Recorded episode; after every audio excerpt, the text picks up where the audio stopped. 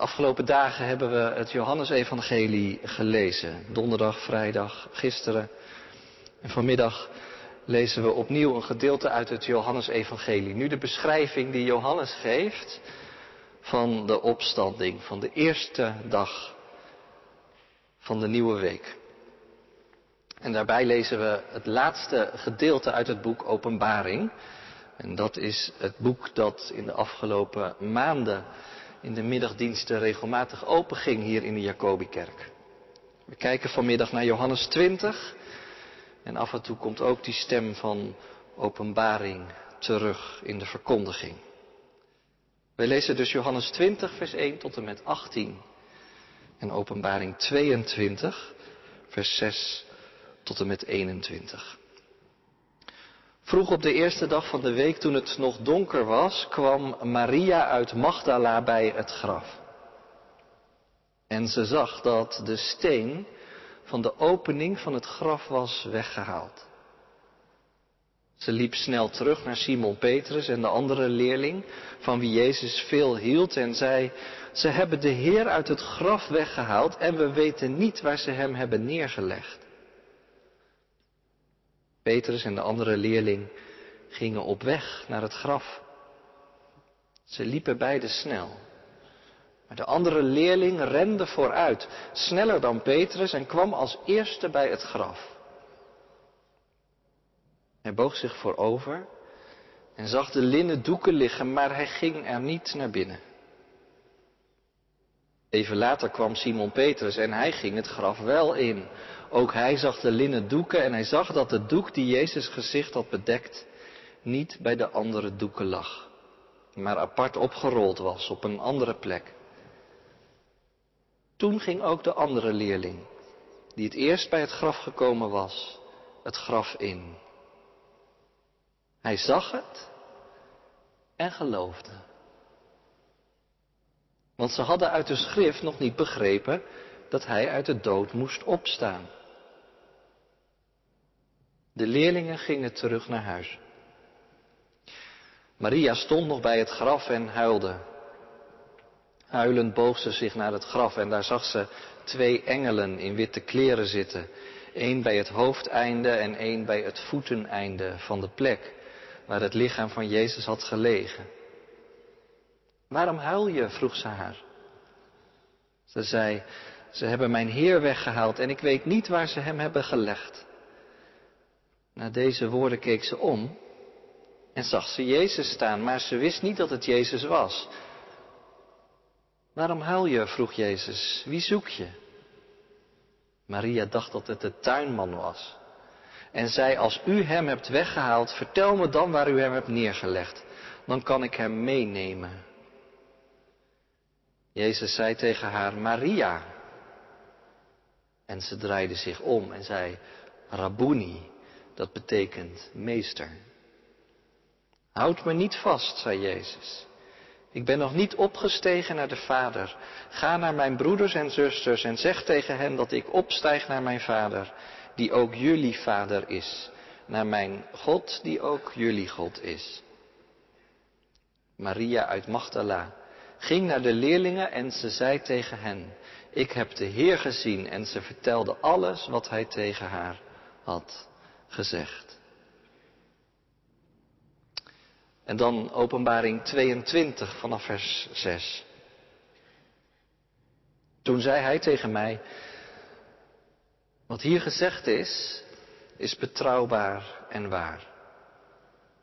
De Heer, de God die de profeten bezielt, heeft zijn engel gestuurd om aan zijn dienaren te laten zien wat er binnenkort gebeuren moet. Ik kom spoedig. Gelukkig is wie zich houdt aan de profetie van dit boek. Ik, Johannes, was het die deze dingen hoorde en zag. En toen ik alles gehoord en gezien had, wierp ik me neer aan de voeten van de engel die me deze dingen liet zien, om hem te aanbidden. Maar hij zei, doe dat niet. Ik ben een dienaar zoals jij en je medeprofeten en zoals degene die zich houden aan wat er in dit boek staat. Je moet God aanbidden. Verder zei hij tegen me, houd de profetie van dit boek niet geheim, want de tijd is nabij. Wie onheil aanricht, zal nog meer onheil aanrichten. En wie onrein is, zal nog onreiner worden. Wie goed doet, zal nog meer goed doen. En wie heilig is, zal nog heiliger worden. Ik kom spoedig en heb het loon bij me om iedereen te belonen naar zijn daden. Ik ben de Alpha en de Omega, de eerste en de laatste, het begin en het einde. Gelukkig zijn zij die hun kleren wassen. Zij kunnen over de levensboom beschikken en zullen de stad door de poorten binnengaan. Buiten is de plaats voor de honden die zich bezighouden met toverij en ontucht, met moord en afgodendienst. Voor iedereen die de leugen koestert en er naar handelt. Ik, Jezus, heb mijn engel gestuurd om jullie deze dingen bekend te maken voor de gemeente. Ik ben de tel van David, zijn nakomeling, de stralende morgenster. En de geest en de bruid zeggen, kom. Laat wie luistert zeggen, kom. Laat wie dorst heeft komen en laat wie dat wil vrij drinken van het water dat leven geeft. Ik verklaar tegenover een ieder die de profetie van dit boek hoort, als iemand er iets aan toevoegt, zal God hem de plagen toevoegen die in dit boek beschreven zijn. En als iemand iets afneemt van wat in het boek van deze profetie staat, zal God hem zijn deel afnemen van de levensboom en van de heilige stad, zoals die in dit boek beschreven zijn. En hij die van deze dingen getuigt, zegt ja, ik kom spoedig. Amen. Kom, Heer Jezus. En de genade van onze Heer Jezus zij met u allen. Dit is het woord van God. Voor de verkondiging onderstrepen we in het gedeelte dat we zojuist lazen uit Openbaring, vers 13. Ik ben de Alpha en de Omega, de eerste en de laatste, het begin en het einde. Christus, vanaf het allereerste begin tot het allerlaatste slot. En daar in het midden zijn wij eigenlijk en is Johannes. Dat brengt bij die andere schriftlezing. Daar wil ik ook nog één zin onderstrepen en dat is 6b van Johannes 20. Het gebeurt er als Johannes bij het graf komt. Staat eigenlijk heel eenvoudig dit. Hij zag het en geloofde. Gemeente van Christus, broeders en zusters hier aanwezig vanmiddag. Tussen liefde en leegte. Tussen liefde en leegte. Misschien ken je die woorden, herken je die woorden? Ze komen uit een liedje van Stef Bos. Misschien ken je het nummer ook wel. Ik reis onrustig en onzeker tussen de liefde en de leegte. Onrustig en onzeker. De liefde en de leegte. De liefde en de leegte. Ik moest aan dit nummer denken toen ik deze week het paasverhaal las uit Johannes 20. Ergens zijn dat natuurlijk heel bekende woorden die je leest. Maar steeds ligt er ook weer iets anders op. En deze keer dit. Dat het een tekst is waar de leerlingen zich voor mijn gevoel tussen de liefde voor Jezus en de leegte bewegen. Want ze weten niet goed wat hen overkomen is, dat is duidelijk. Er is verwarring alom, onrust en twijfel. Wat is er gebeurd? Eerst dat kruis, dat dode lichaam in een graf en nu het graf leeg. En waar hebben ze hem mee naartoe genomen? Wat is er gebeurd? Of ik volg de wegen van de twijfel, zingt Stef Bos. Want dwars door de dood heen wil ik blijven zingen. Ik wil proberen iets te maken. Ik wil niet breken. Maar ik leef onrustig en onzeker. Ik blijf altijd onderweg. Onrustig en onzeker. Nou is dat het vooruitzicht voor die leerlingen vanaf nu voor goed onrustig en onzeker zijn over wat er met Jezus is gebeurd? Vanaf nu twijfelend onderweg, is die waarlijk opgestaan? En is dat ook de toekomst voor ons? Ooit iets van Jezus beleefd in je leven? Maar nu is Hij gestorven, het graf leeg. En je weet niet of je het nog geloven kunt. Dat maakt je onrustig en onzeker. De Heer is waarlijk opgestaan, dat zeggen we vandaag tegen elkaar. Maar geloof je het ook echt?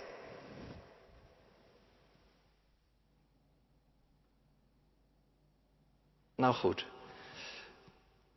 In Johannes 20 treffen we twee leerlingen aan. En ze rennen door de vroege ochtend. De stad uit, op weg naar een heuvel waar Jezus gestorven is.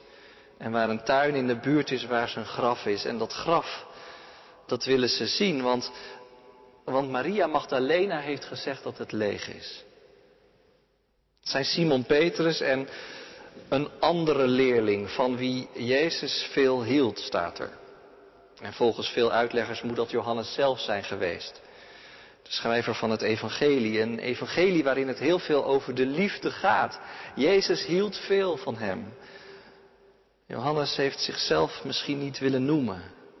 En laten we ervan uitgaan dat het inderdaad Johannes is. Simon Petrus en Johannes, rennend op weg naar het graf.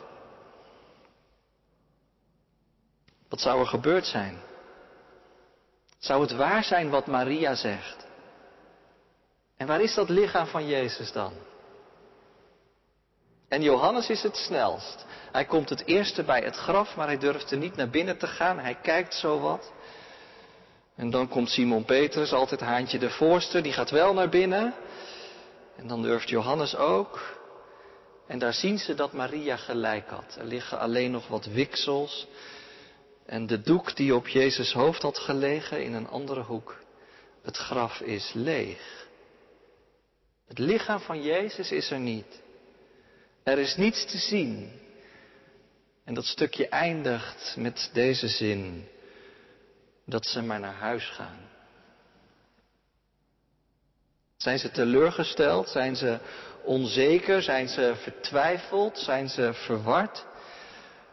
Nou, dat is het beeld dat je in ieder geval altijd krijgt hè, van de leerlingen en van Maria en de andere vrouwen op de vroege paasochtend. Dat er verwarring alom is. Er moet eerst nog van alles gebeuren voordat ze inderdaad geloven dat Jezus leeft. Het moet een engel zijn die het tegen ze zegt. Of, uh, of ze moeten hem met eigen ogen kunnen zien.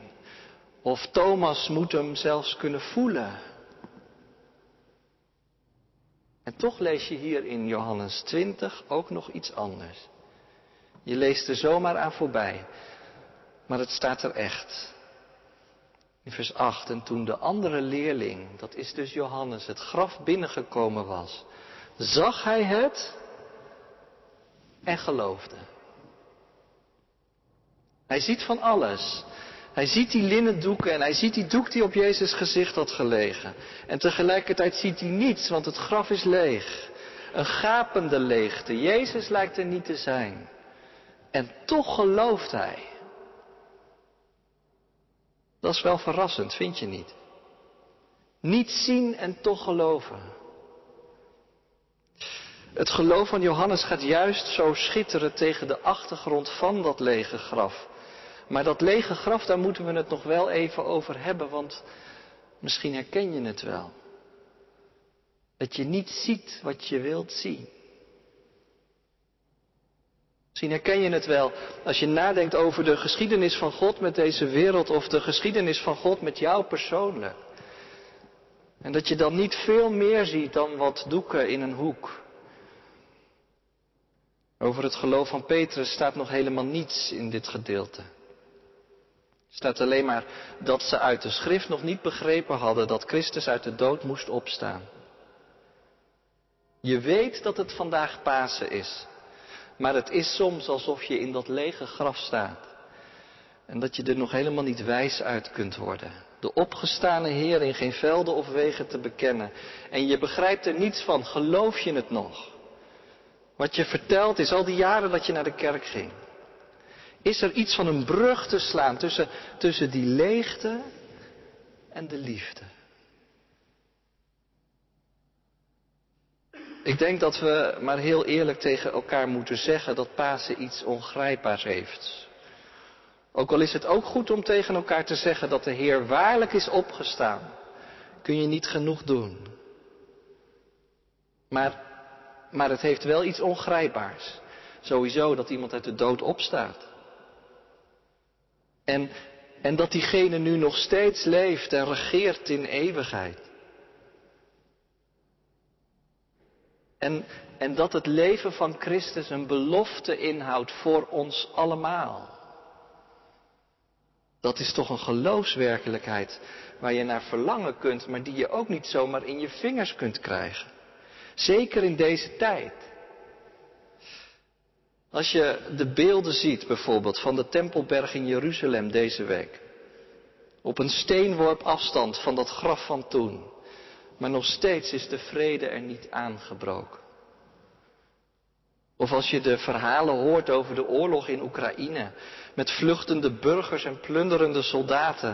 Ik zag deze week een treffend beeld op de voorpagina van het ND. Van verschillende Christusbeelden die weggehaald waren van de plek waar ze stonden. Om die beelden te beschermen tegen de beschietingen en tegen de bommen. Dan krijgt die leegte wel een heel letterlijke betekenis. Of dichter bij huis, misschien herken je dat ook wel, een leegte die je soms kan overvallen. Als je ziet dat voor zoveel mensen, ook vandaag, Pasen nog helemaal niet ingewerkt lijkt te zijn. Zo van, het lijkt wel alsof je zonder Jezus ook een prima leven kunt leven. Nou, dat kan je vullen met een leeg gevoel, ook als je Pasen viert in de kerk. Alsof je in dat lege graf staat te kijken en denkt, ik weet het nog zo net niet, wat is hier gebeurd? Ik word er onrustig van soms, op mijn beste momenten. En onverschillig op mijn slechtste momenten. En toch kan het ook anders. Ik heb iemand gekend die vrij jong haar man was verloren. Ze was nog geen 60 jaar oud. Het leven was anders gelopen dan ze had gedacht. Maar ze vertelde me over haar geloof en ze vertelde me hoe ze elk jaar op eerste paasdag naar de begraafplaats ging. Naar de plek waar haar man begraven was. En dat ze daar dan als de zon opging, hardop, in haar eentje, in de leegte zou je zeggen, de geloofsbeleidenis uitsprak. Ik geloof in de vergeving van de zonde. Ik geloof in de opstanding van het lichaam en in een eeuwig leven. Kijk, zo kan het dus ook. Niet zien en toch geloven. En dat geloof houdt je overeind. En draagt je door dit leven, door de leegte soms hierheen. En weet je, dat is volgens mij wat Johannes nou precies doet. Hij zag het lege graf en hij geloofde. Wat is het geheim? Nou, dat kan volgens mij alleen maar dit zijn: dat hij in de afgelopen jaren Jezus werkelijk lief heeft gekregen. En dat hij steeds meer over deze Messias heeft geleerd. Door naar zijn onderwijs te luisteren en naar zijn voorbeeld te kijken en zo te proberen te wandelen. En door naar zijn verkondiging te gaan leven. Johannes is al veel eerder tot de conclusie gekomen dat Jezus de Messias is. De verschijning van de opgestane Heer gaat niet aan het geloof van Johannes vooraf. Het geloof van Johannes is er nu. En daarna verschijnt Jezus. Als een soort bevestiging zou je kunnen zeggen. Je zou het zo kunnen zeggen, Johannes is er zozeer van overtuigd dat Jezus de Zoon van God is, dat het niet anders kan of ook dit lege graf maakt onderdeel uit van het heilsplan van de eeuwige God. Tussen de liefde en de leegte is een brug geslagen. Van vertrouwen. Dat is wat Johannes kan. Erop vertrouwen dat God zijn werk doet. Dat God zijn plan heeft met de wereld. En dat God ook zijn werk doet in Christus. En dat kruis en dat lege graf. En dat dat allemaal ergens naartoe gaat. Ik zei, Johannes heeft in Jezus de Messias gezien. Je zou ook kunnen zeggen, Johannes wist dat Jezus God was. En wie is God? Nou, God is degene die er vanaf het allereerste begin is geweest. En die er ook voor altijd en altijd zal blijven, tot in de eeuwen der eeuwen, zegt de kerk. En, en zo had God zich ook bekendgemaakt aan zijn volk. Dat lees je in het Oude Testament. Bijvoorbeeld in de profeet Jezaja. Hoofdstuk 41. Wie heeft de dingen tot stand gebracht, zegt God. Wie bepaalt de loop van de dingen? Wie roept de generaties vanaf het begin? Ik, de Heere, ik was de eerste en ook bij de laatsten zal ik zijn. En even later, luister naar mij, Jacob. Door mij geroepen, ik ben het, ik ben de eerste en ik ben de laatste. Steeds weer diezelfde woorden. Ik ben die ik ben, klinkt erin door. En ik zal zijn die ik zijn zal. Zo had God zich bekendgemaakt aan Mozes. Dat is zijn naam. Ik ben er. Ik ben aanwezig. Ik was er toen en ik ben er straks. En ik ben er dus ook nu. En precies diezelfde woorden, ik ben, had Jezus ook vaak gebruikt. En dat had Johannes hem horen zeggen. En Johannes had het opgeschreven. Ik ben het brood des levens. Ik ben het licht van de wereld. Ik ben de weg, de waarheid en het leven. En ook nog dit, ik ben de opstanding en het leven. Had Johannes dus eigenlijk wel reden om te twijfelen aan de afloop van deze gebeurtenis? Jezus was zo duidelijk geweest over zijn identiteit. En Johannes had hem leren vertrouwen. En daarom als Johannes in dat lege graf komt, dan ziet hij het en dan gelooft hij. Waarom? Omdat hij weet dat God niet loslaat wat zijn hand begon te doen. Als God inderdaad aan het begin van alle dingen staat en ook aan het eind, dan komt het goed, hoe dan ook. Nou ja, zou jij het durven? Om God inderdaad zo op zijn woord te vertrouwen. Dat de belofte die jou wordt aangezegd, steeds opnieuw in de kerk, of de belofte die jou werd aangezegd toen je gedoopt werd, dat die belofte een garantie is van Gods nieuwe wereld voor jou. Dat begin en dat eind. En dat je daar nu gelovig tussenin bent. Dat je daarom over het graf heen kunt kijken. Dat je daarom de leegte in het hier en nu een plek kunt geven. Dat je soms helemaal niet veel ziet en toch gelooft. Ook al is er zoveel dat je niet begrijpt. Maar dat je zegt, en toch zoek ik het bij Christus. Vertrouw ik erop dat Hij ook aan mij verschijnen zal. Ooit. Ook aan mij. Want Hij is de eerste en Hij is de laatste. Ooit komt er een dag dat de hemel openbreekt. En dan zijn we bij dat laatste Bijbelboek, Openbaring. Wat we in de afgelopen tijd hebben gelezen, hoofdstuk voor hoofdstuk. Een boek vol symboliek en vol met diepzinnige lagen. Maar het is uiteindelijk vooral dit, een boek van verzet. Een boek dat zegt, midden in deze werkelijkheid, die vol is van geweld en zonde en verdriet, blijft er één ding overeind. En dat is dit, dat Jezus Christus het lam is en dat het lam heeft overwonnen. En dat er daarom alle reden is om het vol te houden. Johannes op Patmos, hou vol. Ooit komt er een dag dat de hemel openbreekt en de doden zullen opstaan.